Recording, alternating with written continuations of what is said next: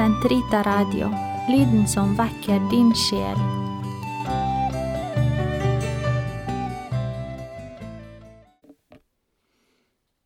Den katolske kirkes katekisme, uke 9, tirsdag, paragraf 156 til 162. Tro og forstand. Motivet for å tro er ikke at de åpenbarte sannheter fremtrer som sanne og fornuftsmessige i lys av vår naturlige fornuft. Vi tror på grunn av Guds autoritet som åpenbarer, Han som verken kan villedes eller villede.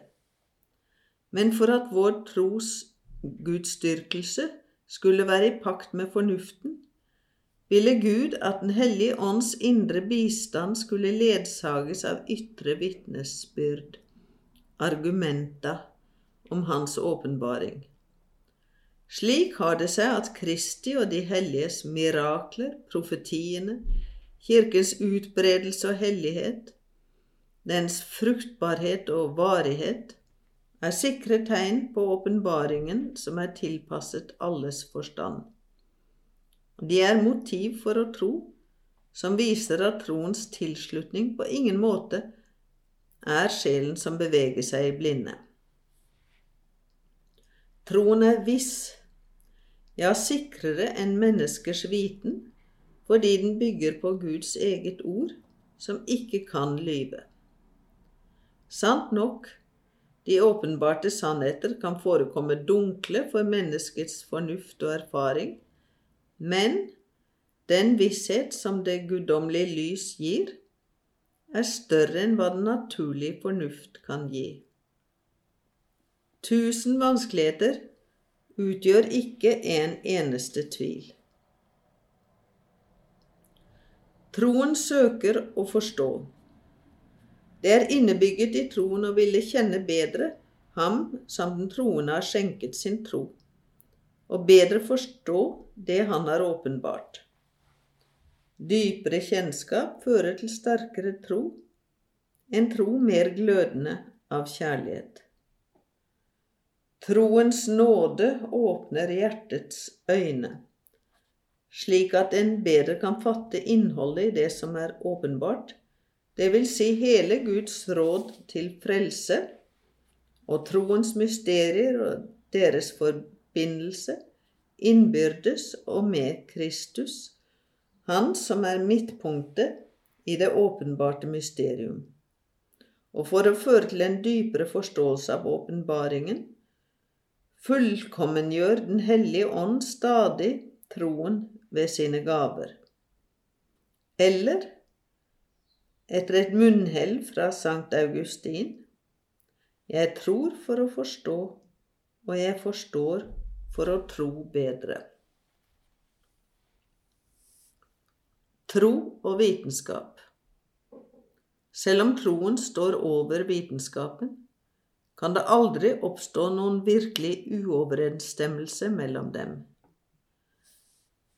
Siden det er den samme Gud som åpenbarer mysteriene og skjenker tro, og som har opplyst menneskets sinn med fornuftens lys, kan ikke Gud fornekte seg selv, og heller ikke kan sannhet motsi sannhet. En systematisk forskning innenfor alle grener som følger en autentisk vitenskapelig fremgangsmåte og respekterer de moralske eh, grunnregler, vil derfor aldri komme i virkelig konflikt med troen. Det som hører skaperverket til, og det som hører troen til, har nemlig Gud som felles opphav. Den som ydmykt og utholdende prøver å fravriste naturen dens hemmeligheter, ledes på et vis, om enn kanskje ubevisst, av Guds hånd, som opprettholder alle ting og gjør dem til hva de er. Troens frihet For å være menneskeverdig må det troens gjensvar mennesket gir Gud, være frivillig. Derfor må ingen tvinges til å gi troen sin tilslutning. Det ligger i selve troens natur å være en fri handling. Gud kaller mennesket til å tjene ham i ånd og sannhet, men selv om dette kallet er en samvittighetsforpliktelse, ligger det ingen tvang i det. Dette ble fullt ut klart i Kristus Jesus. For selv om Kristus oppfordret til tro og omvendelse, tvang han aldri noen. Han vitnet om sannheten, men han ville aldri betvinge sine motstandere med makt. Hans rike utbredes ved den kjærlighet som Kristus, opphøyd på korset, trekker alle mennesker til seg med. Troens nødvendighet. Å tro på Jesus Kristus og på Ham som har utsendt ham til vår frelse, er nødvendig for å få del i frelsen, fordi det uten tro er umulig å være etter Guds sinn, og få arvelodd som sønner kan umulig noen bli, et, bli rettferdiggjort uten tro, og ingen oppnår det evige liv uten den som holder ut til enden. Troens utholdenhet Troen er Guds frie gave til mennesket. Vi kan miste denne gaven, slik Sankt Paulus advarer Timotius om. Kjemp den gode strid med tro og god samvittighet. Ja, det er fordi de har latt sin samvittighet fare, at enkelte har forlist sin tro. For å leve vokse og holde ut inntil enden i tro, må troen næres av Guds ord.